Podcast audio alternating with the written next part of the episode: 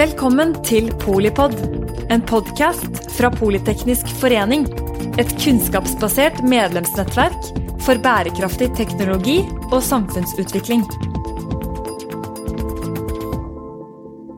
Velkommen til alle lyttere av Polipod og denne episoden om Kina, korona og klima. Intet mindre.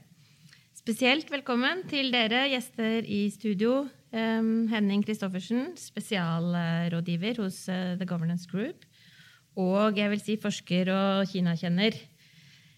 Elisabeth Tolvik, uh, sjefsøkonom i Sparebank1. Nyutnevnt medlem av regjeringsutvalget Norge mot 2025. Og Kjetil Bragli Alsheim, politisk redaktør i Aftenposten. Mitt navn er Mette Vågnes Eriksen. Jeg er generalsekretær her i Politeknisk forening. Ja, hvordan eh, har koronakrisen endret kinesernes syn på seg selv og på resten av verden? Og hvorfor, Henning? Det er sånn herlig spørsmål. Disse kineserne der har jo en gjeng, Det er, liksom, er 1,4 milliarder mennesker. Altså det, liksom, det, må jo bli feil, alt vi sier, men det kan jo bli noe, kan jo treffe litt. da. Så jeg får prøve meg. Um, jeg tror at for, for, partiet, for å begynne der, i eh, kommunistpartiet i Beijing, så er det å kunne håndtere kriser veldig viktig for legitimiteten i befolkningen for å styre. Og kommunistpartiet har jo vist de siste 30-40 åra, på tross av eh, alt som vi kan kritisere dem for, og bør kritisere dem for, at de har faktisk styringsevne. Eh, og, for den kinesiske befolkningen så, eh, så er det kanskje kanskje det aller viktigste. Fordi at eh, i Kina så, så, har jo stort sett alle, eh, bortsett fra de aller yngste, erfart store kriser opp gjennom åra. Og eh, ustabiliteten, eller uroen Jeg tror veldig mange kinesere føler at den ligger liksom og lurer hele tiden. Eh, for det er mangel på ressurser, det er utfordringer non stop. Og, og i denne krisen her så har partiet eh, klart å komme gjennom denne koronakrisen. Og de har gjort det eh, på en god måte, håndtert det bra, eh, selv om det starta mildt sagt problematisk. Da fikk vi liksom fram både det, liksom det verste i eh, kommunistpartiet. Da skjulte man informasjon og eh, treghet med å varsle. De legene som varslet, ble straffet osv. så Eh, så jeg tror det er tilliten til partiet i befolkningen, den, eh, den er nok ikke mindre. Tilliten til informasjon den har vel holdt på å si alltid vært svak, og den er nok ikke, ikke sterkere. Men tilliten til at partiet kan styre, den tror jeg nok, eh, om noe, er sterkere. Og så er det én faktor til, og det går jo på at kinesere som andre sammenligner jo. Eh, og når de ser på resten av verden, så er det jo ikke sånn nå at eh, hvis du ser på hvordan USA har håndtert det, hvordan du ser på flere land i Europa har håndtert, eller håndterer det, burde vi vel egentlig si, for det er jo uh, i full gang, så er, det, så er, det, jo ikke sånn at uh, kinesere tenker å ja, bare vi hadde gjort dette helt annerledes, bare vi hadde hatt et helt annet styresett, så hadde vi vært tryggere. Så jeg tror jeg begynner der. Du, vi, har jo, vi, har jo, hatt en diskusjon rundt uh, I en del andre land, da, demokratier, mm. som har diskutert hvordan er effekten av koronakrisen på oppslutningen om ledere. Og vi trenger jo ikke dra lenger, vi trenger jo ikke dra ut av vårt eget land og se hvordan oppslutningen om Høyre er gått opp, og tilliten til Erna Solberg er gått opp. Og du har sett det i i mange land, eh, egentlig litt uavhengig av hvor godt de har håndtert det. Eh, mm. Også med Boris mm. Johnson, f.eks., som jo kom, kom, dårlig ut og, og, havnet på intensiven selv. Eh, så det, men det, det, er jo litt vanskeligere å, å, måle eller vite fra Kina om du har en sånn rally around the flag også for Xi Jinping. Jeg vet ikke om det Går det an å si noe om det? Uh, nei, det har ikke jeg sett noen analyse på. Uh, det er, det er, jo som du sier, ikke sant? Det er jo, det er jo alltid det som er, alltid en svart boks eller, eller fler i Kina, for vi har, jo ikke den, vi har jo ikke den informasjonen.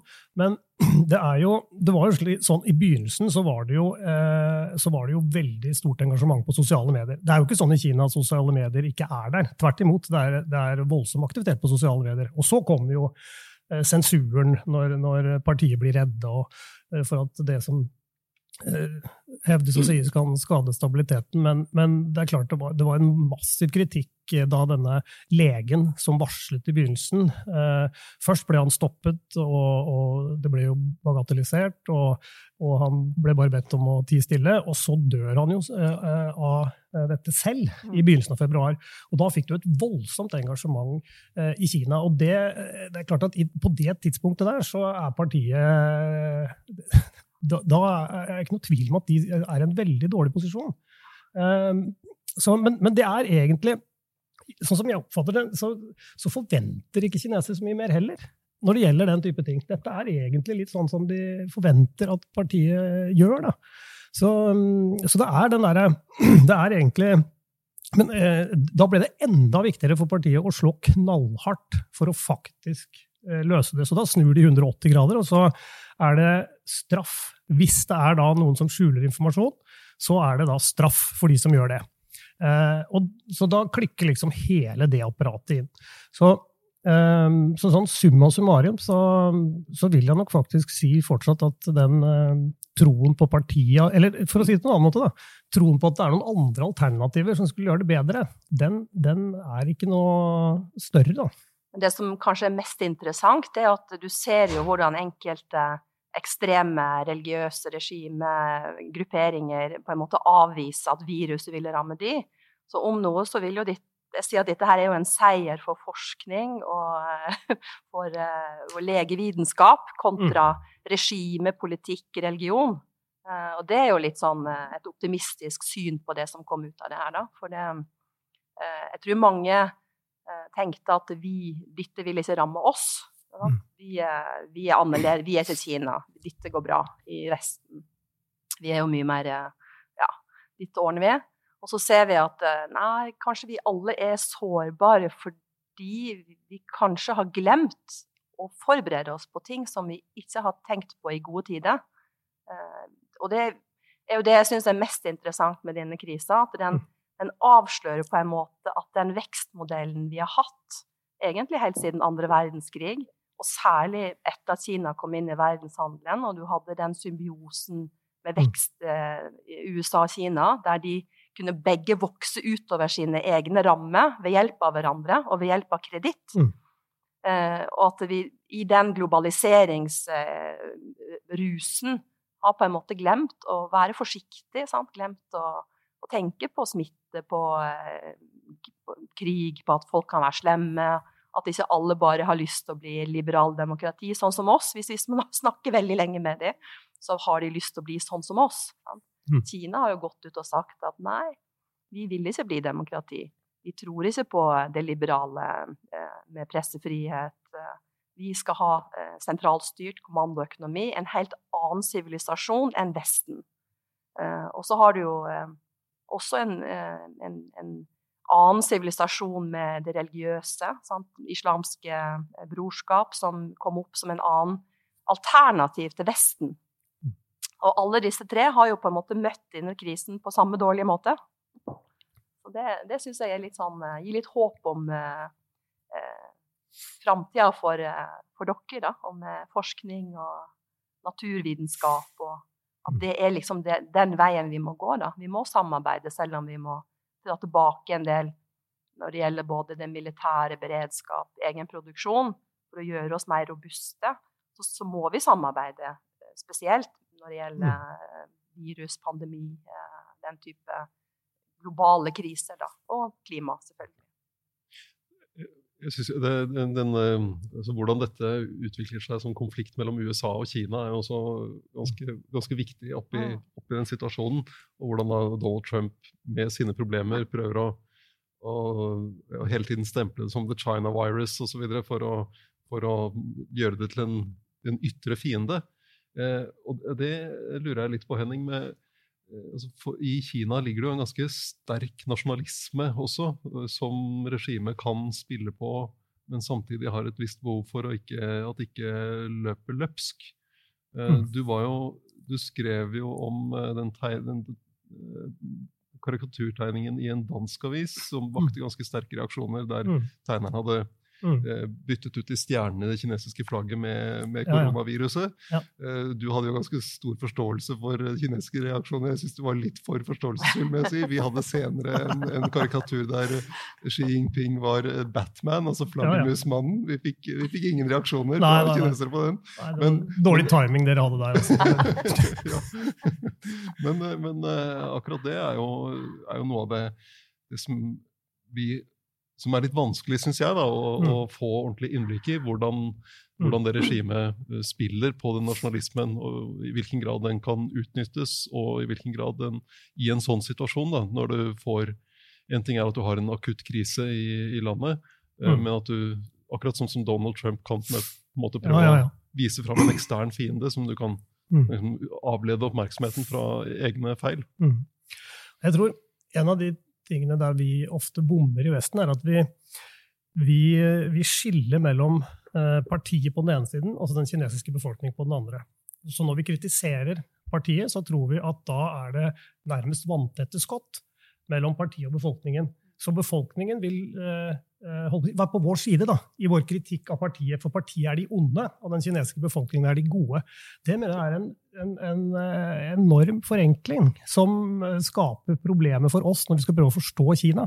Eh, For det første så er det jo nesten 100 millioner medlemmer av partiet. Aktive, ikke aktive, mer eller mindre ideologisk, for å kalle det det. Veldig mange av de er bare helt pragmatiske medlemmer av partiet. Det gir noen fordeler å være medlem, det gir noe status, og det gir få nedsider. Bortsett fra noen kjedelige rapporter du må skrive ny og ne og sånn. Men men det er eh, Og da får du sånne reaksjoner som den karikaturtegningen som du refererte til. Da, det, det du ser av engasjement da, eh, av de som fikk det med seg av kinesiske sosiale medier, det er jo voldsom til støtte for partiet, som da på sedvanlig vis krever unnskyldning fra eh, den danske avisen osv. Og de går mye, mye lenger. Knallhard eh, kritikk, og det var tegninger av det danske flagget med, eh, med nazistmotiver. Og, altså, det var virkelig voldsomt. Og da kommer den nasjonalismen ikke sant, eh, inn.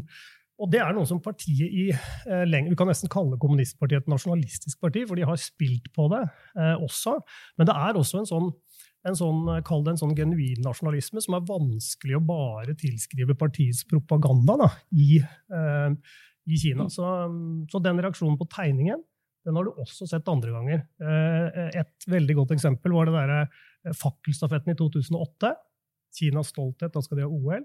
Så har de fakkelstafett rundt omkring i verden, og så får de demonstranter eh, mot fakkelstafetten fordi pga. Kinas politikk i Tibet osv. Og, så videre, og, så og hva skjer da? Kinesere rundt omkring i hele verden går da til motdemonstrasjoner og da på en måte til støtte for partiet. Så det er jo veldig interessant. Men det er klart det kan mobiliseres som et verktøy i en Mm. handelskonflikt. Og det, eh, de var jo i en handelskonflikt med Sør-Korea for en del år tilbake. Og da oppfordra de til eh, boikott av sørkoreanske produkt. Og det var ekstremt effektivt, med ett unntak, og det var sminke. For de unge jentene de ville helst ha sminke fra Sør-Korea, for det var mye bedre enn kinesisk. Mm. Så um, Og så vil de ha toaletter fra Japan. Det er sant, de må ha toaletter fra Japan, men eh, Men det er klart, det, det er jo noe med den eh, kommandostrukturen. At du har en strategi fra topp som blir fulgt og intensivert gjennom alle ledd. Og alle som er rasjonelle, vil De fleste med god jobb og høy utdanning er jo inne i systemet og har interesse av at det skal være stabilitet. For slipper du opp, så kan en jo risikere en full oppsprekking av Kina. Det, jeg tror både partiet og veldig mange i Kina frykter jo det som skjedde i Russland, med, eller Sovjetunionen, da, med oppsplitting og, og det de opplever som anarki. Um, så Derfor har en, en, som du Henning sier, en ganske stor populær oppslutning om at så lenge det gagner oss, så lenge vi får en god jobb og litt høyere velferd hvert år, så, og de som eh, at myndighetene driver overvåking og sånt. Det er jo, ja, Vi har ingenting å skjule, de som er med og, og på en måte har det greit inne i systemet. Og Det er jo litt annen eh, tankegang enn hos oss, som er mer individualistiske. Men de har jo denne konfusianske tradisjonen med at eh, en skal høre på familien og, og systemet. Så gamle filosofi er jo blitt veldig populært igjen i Kina, med uh, I Ching og disse filosofiske Som, Mm. som egentlig er, er kjempesmart, fordi det er en tren, dagligdags trening og tanke i eh, hvordan skal vi forholde oss til for uforutsette ting.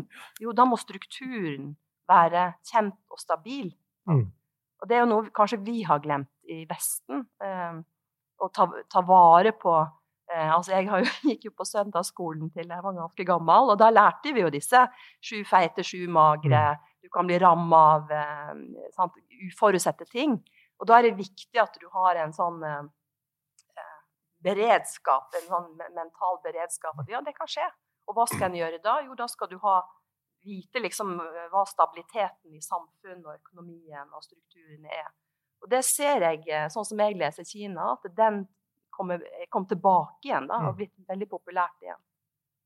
Ja, det er veldig fascinerende. Og det som også er litt eh, illustrerende der, det er at det er eh, under Maos tid så var jo eh, de, de, liksom de gamle kinesiske verdiene ut. Det skulle man jo ikke ha. Eh, også under Xi Jinpings tid, altså han som er president nå, han har de jo tatt de fram igjen som en del av, nasjonalismen.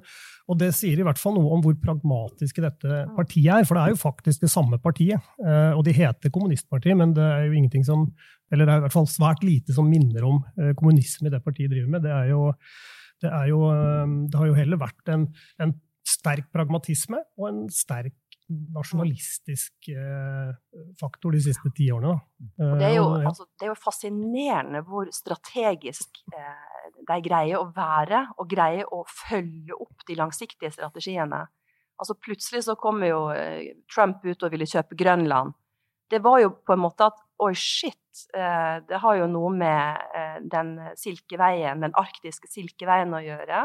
Altså Det er en del av en, en kjempelang strategisk posisjonering for Kinas infrastruktur og globalt verdensherredømme, som vi på en måte bare Neimen, eh, det spiller noen rolle hvem Mm. som eier, spiller noen rolle noe som helst. sant? Ja, det gjør jo kanskje det hvis de får kontroll, og de har en annen sivilisasjon og en annen plan for Mm. verden enn det vi er vant til. Kan være at det på sikt Altså, hvem veit om det Den diskusjonen har vi jo sett også komme sterkere nå, særlig i Europa. Mm. Også før eh, koronakrisen, men det har blitt forsterket av den. Sett eh, både fra EU-kommisjonen, fra, ja, fra britiske etterretningsmiljøer, at uh, her må man uh, følge med på oppkjøp av strategisk samfunnsviktig infrastruktur eller bedrifter. Så det er jo blitt en, en annen si, Det har skjedd ganske mye i den europeiske debatten om Kina i løpet av bare et par år. Da EU kom ut og definerte Mm. Kina som en systemisk rival, var vel ordet de valgte å bruke. Mm. Så det er jo øh, oppfatter jo at det er en annen oppmerksomhet om det.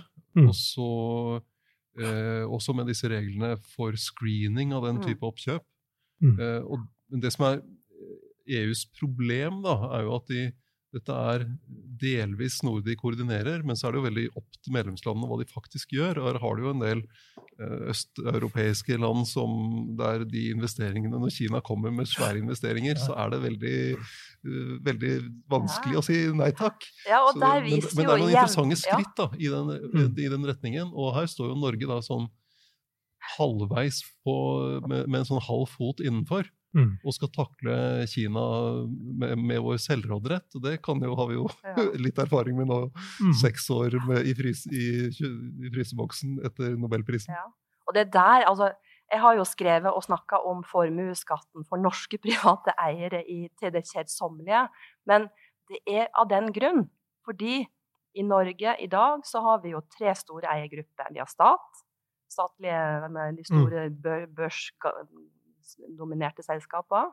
Så har du utlendinger, og så har du den lille private eh, eierskapet.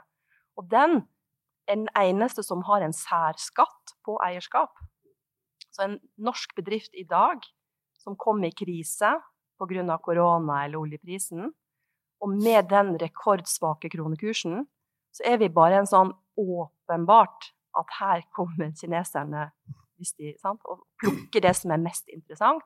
Og vi har ingen diskusjon, ingen tanke, ingen vurdering om er dette så lurt.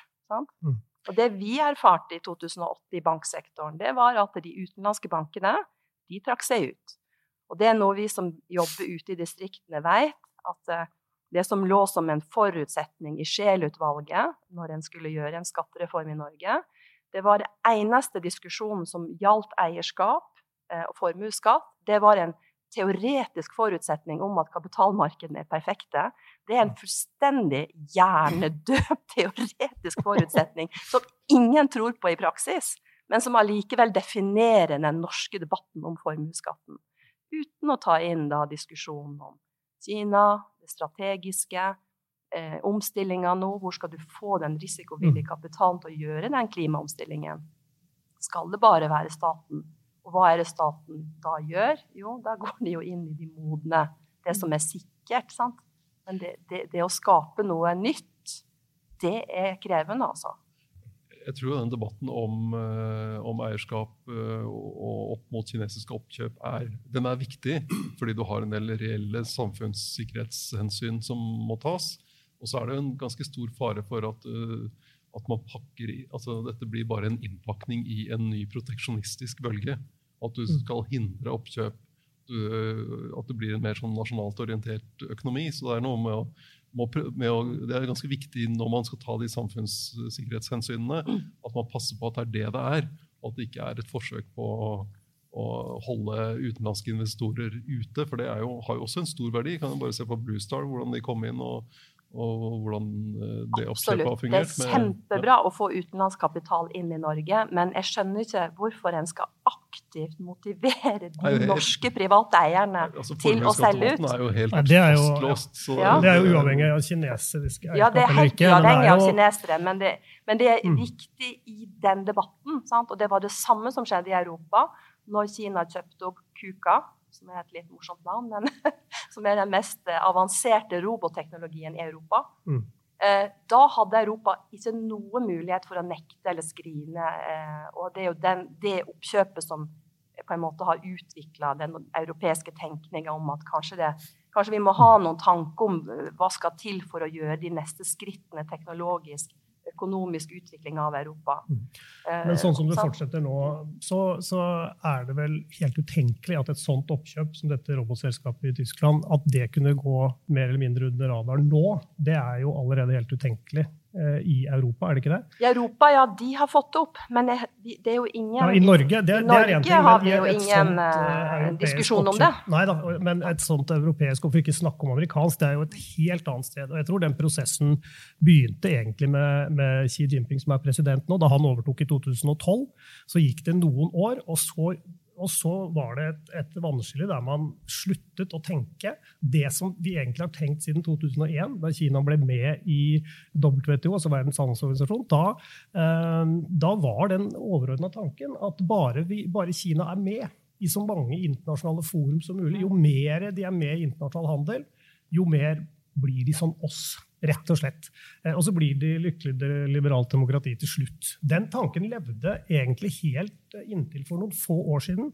Og så, når man har gitt opp den tanken helt, for det har vi nå, nå er den helt død, eh, da, er, da blir alternativet så proteksjonisme og en, en, polarisering. Det er veldig vanskelig da å se noen annen vei det store ja, Det vil jeg protestere litt på. Ja, fordi, bare... fordi, for det, det, er så lett for oss å stoppe diskusjonen og, ja, si at, og label det proteksjonisme. Det har jo blitt liksom rasismekortet i handelspolitikken.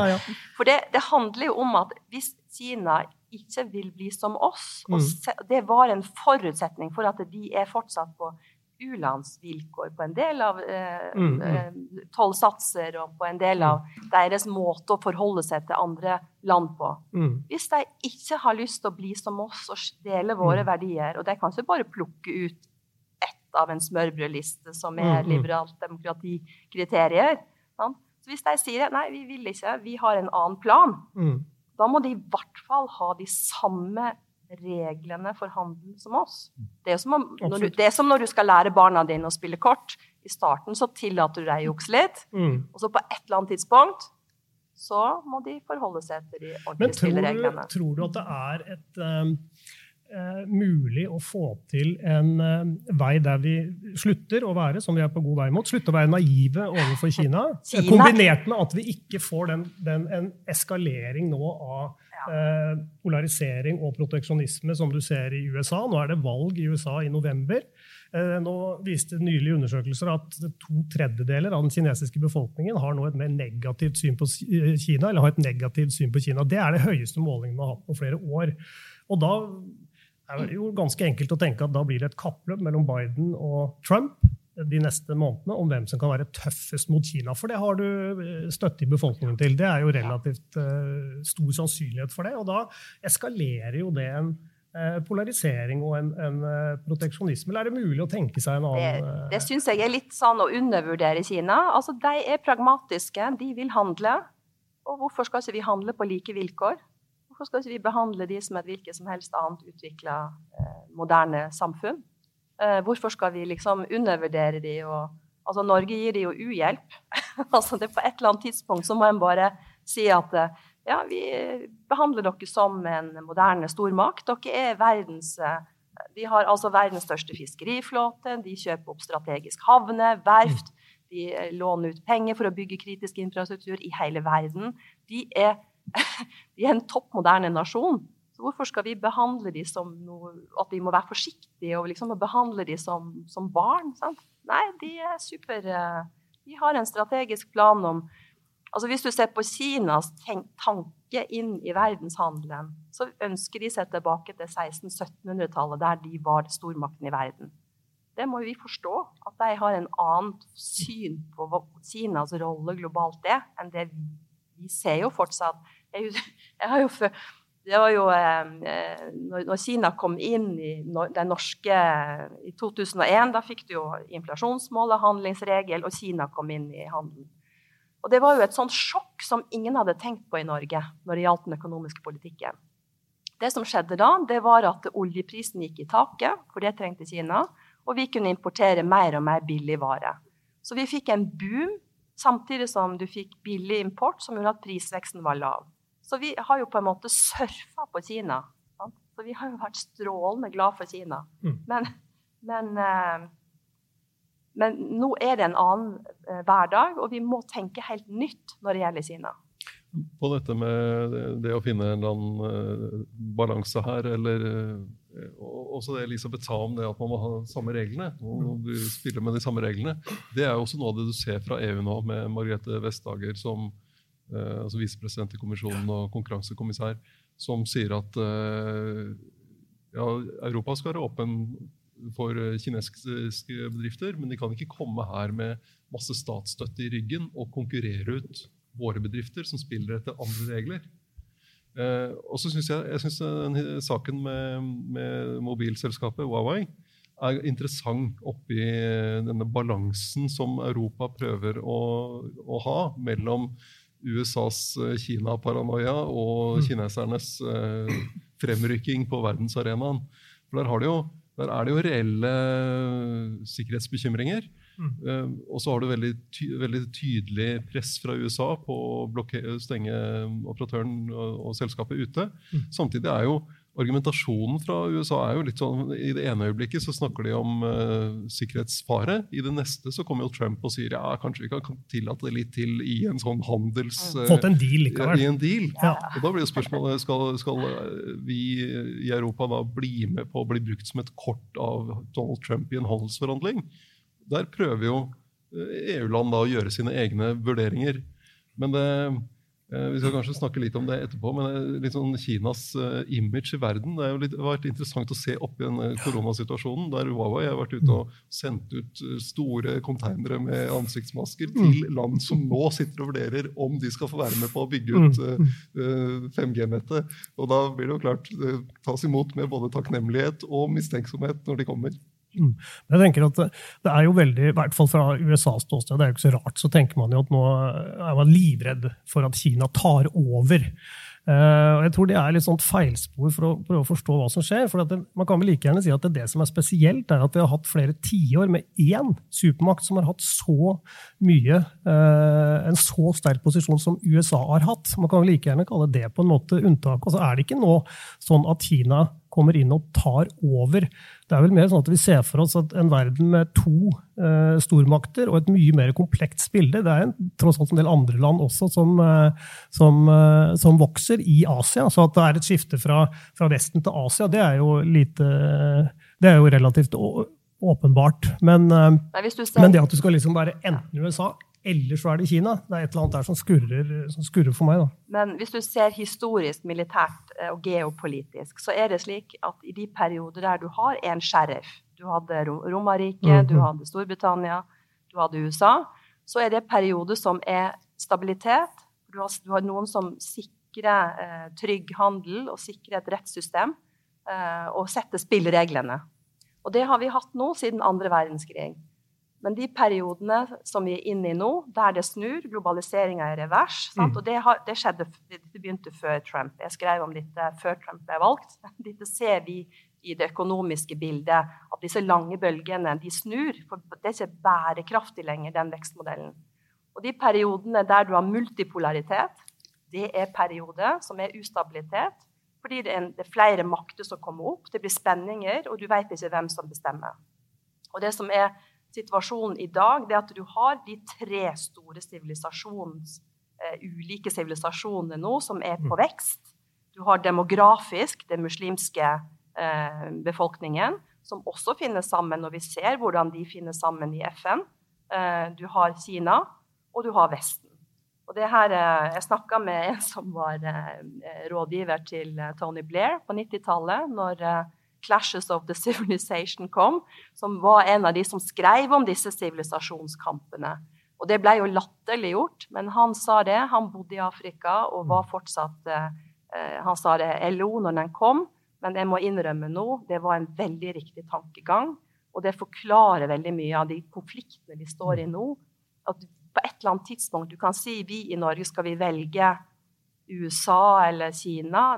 Nei, hvorfor Altså, det her er en kamp. Kina mm. er både militært og demografisk De kommer til å bli en stormakt. Mm. Det kan godt hende. Men hvorfor skal vi hjelpe de på vei? sant? Ja, ja, men, ja det er jo sånn, altså, Kina er en realitet. Vi må bare forholde oss til det.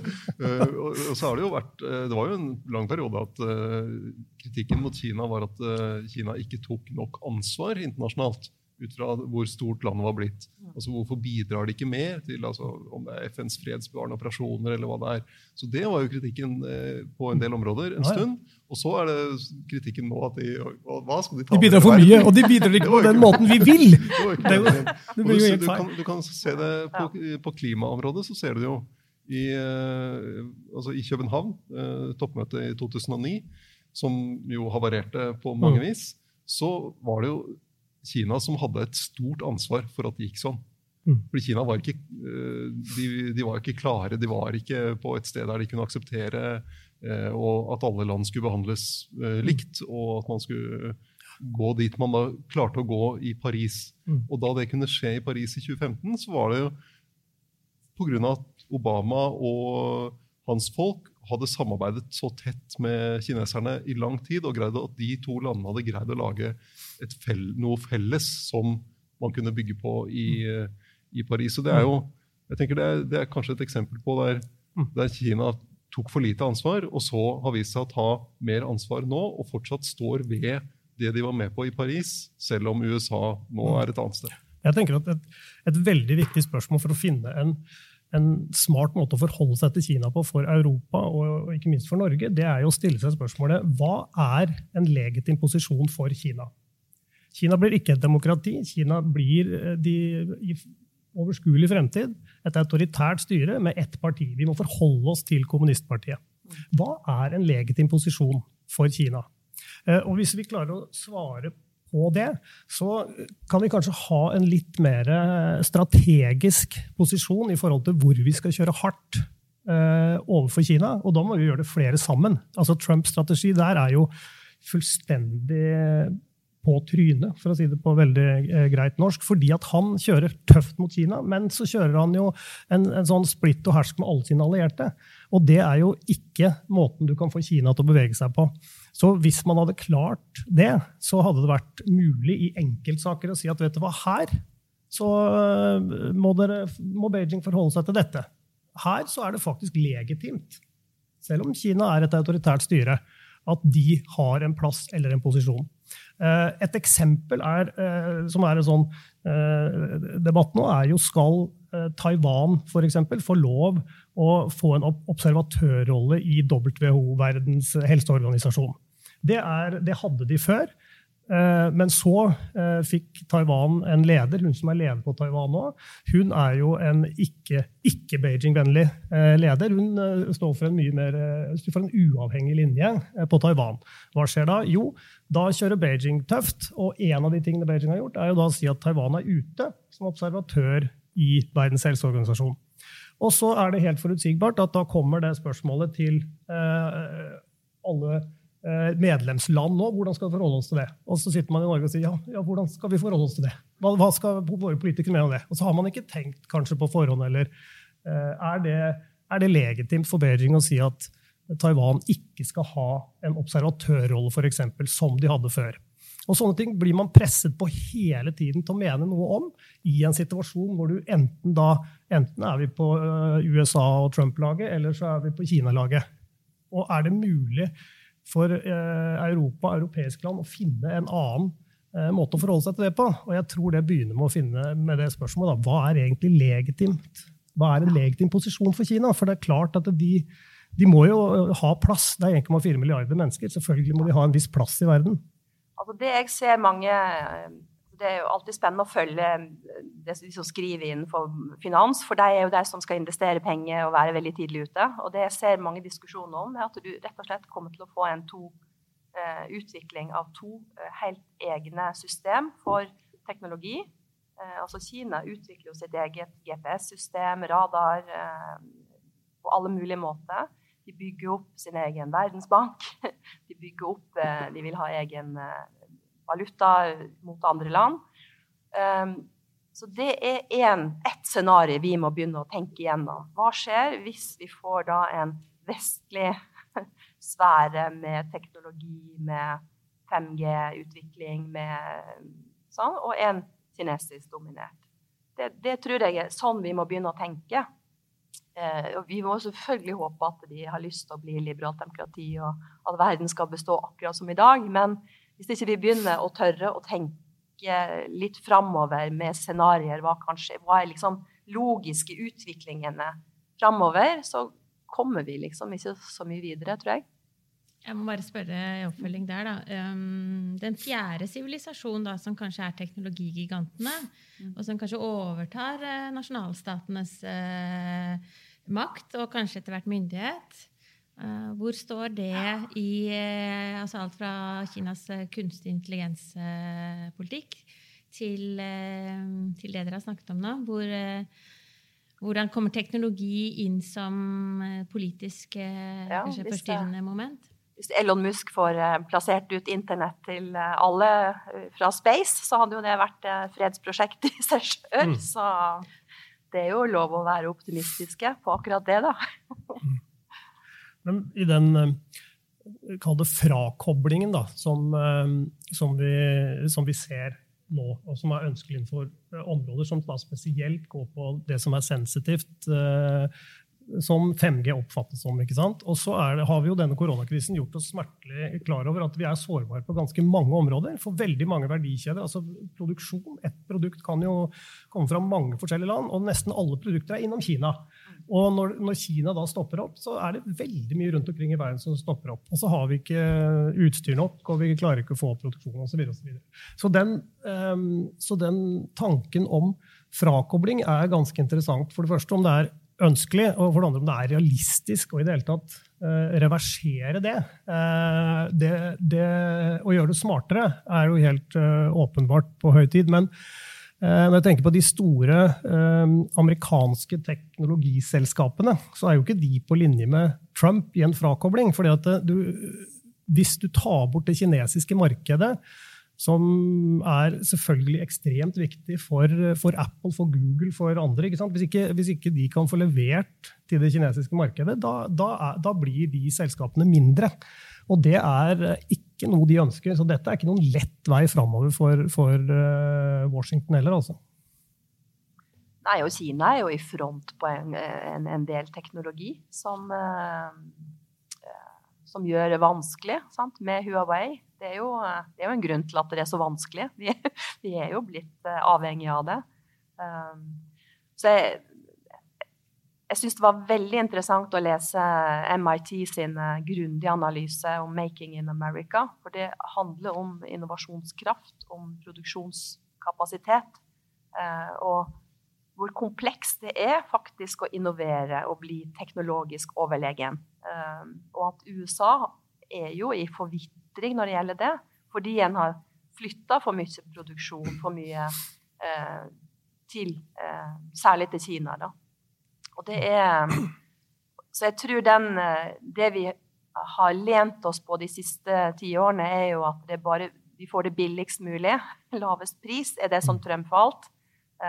Den er vel kanskje det som kommer til å endre seg mest etter koronakrisa. Mm. At en ser at jo, det er greit å få det billig, men det må også være sikkerhet for at vi får det. Det må være robust. Vi må ha lag, litt mer lager enn det vi eh, har lent oss på. Så det, det blir jo, ja, og, det, og det, det, er klart det blir jo en sånn beredskapsrunde etterpå. Og så er det jo et spørsmål om eh, forbereder vi oss da på neste krise eller forrige, som er et gjentagende problem. Eh, og så er det klart det har en kostnad. Man kan bruke uendelig med penger på beredskap, men da går man jo glipp av andre ting. Vi kan hente all mulig slags produksjon hjem, men da blir det dyrere, og vi blir fattigere. Det går utover velferden. Så, så det er uh, det er jo ikke noe enkle svar på den diskusjonen heller. Nei. Jeg synes også Det som er interessant her, som du er inne på, da, det, er jo, har, det er jo noe vi har villet. Vi må jo ikke glemme det. Vi har eh, flytta produksjonen til Kina for å få den billigere gjennom flere tiår. Eh, og og så har vi hatt en sånn, og det tenker jeg er en ganske naiv eh, tanke nå i ettertid. at Vi har, vi har liksom hatt en sånn idé om at vi kan flytte all mulig produksjon. Og så kan vi sitte her og være kreative på toppen. Og så finner vi på alle de nye tingene. Og så får disse kineserne og, og andre land i Asia det kan de produsere det. Det er en strålende modell. Og at den bare skal fortsette. Men så har man jo totalt uh, bomma. fordi at når du flytter ut all produksjonen, hvor er det faktisk uh, utviklingen skjer? Det viser seg at jo, de som sitter og produserer Eh, de finner ut hva, hvor dette produktet skal ta veien. Hva er det for noen nye ting vi kan finne ut av? Så klar, Det er en missing link mellom det å tro at du kan sitte her og bare være kreativ. Du, for det skjer masse produktutvikling i nettopp fordi du har produksjonen. Og nå er det på mange områder for seint. Og det at USA ikke har en systemleverandør av 5G altså 5G er det, som, det, er det, er det viktigste teknologiske framskrittet i vår tid. Og det er eh, det kinesiske selskapet. Det er to kinesiske selskaper, og så er det to skandinaviske. av alle ting. Det er jo fascinerende oppi det hele. Eh, Nokia og, og Eriksson.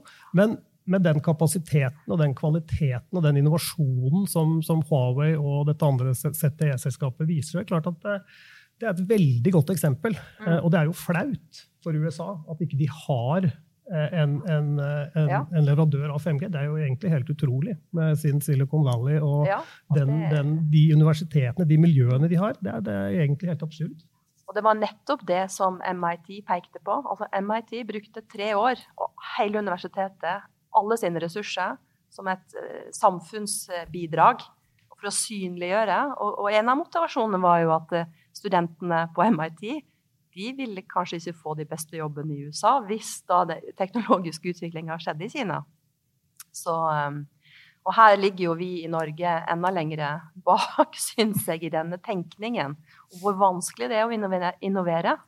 At det er ikke noe en bare kan gjøre på et kontor på universitetet. Det krever faktisk at du kan utvikle et produkt. Du kan få satt det, testa ut uh, i et marked, finjustert det, og lag prototyper det er ganske komplekst. Eh.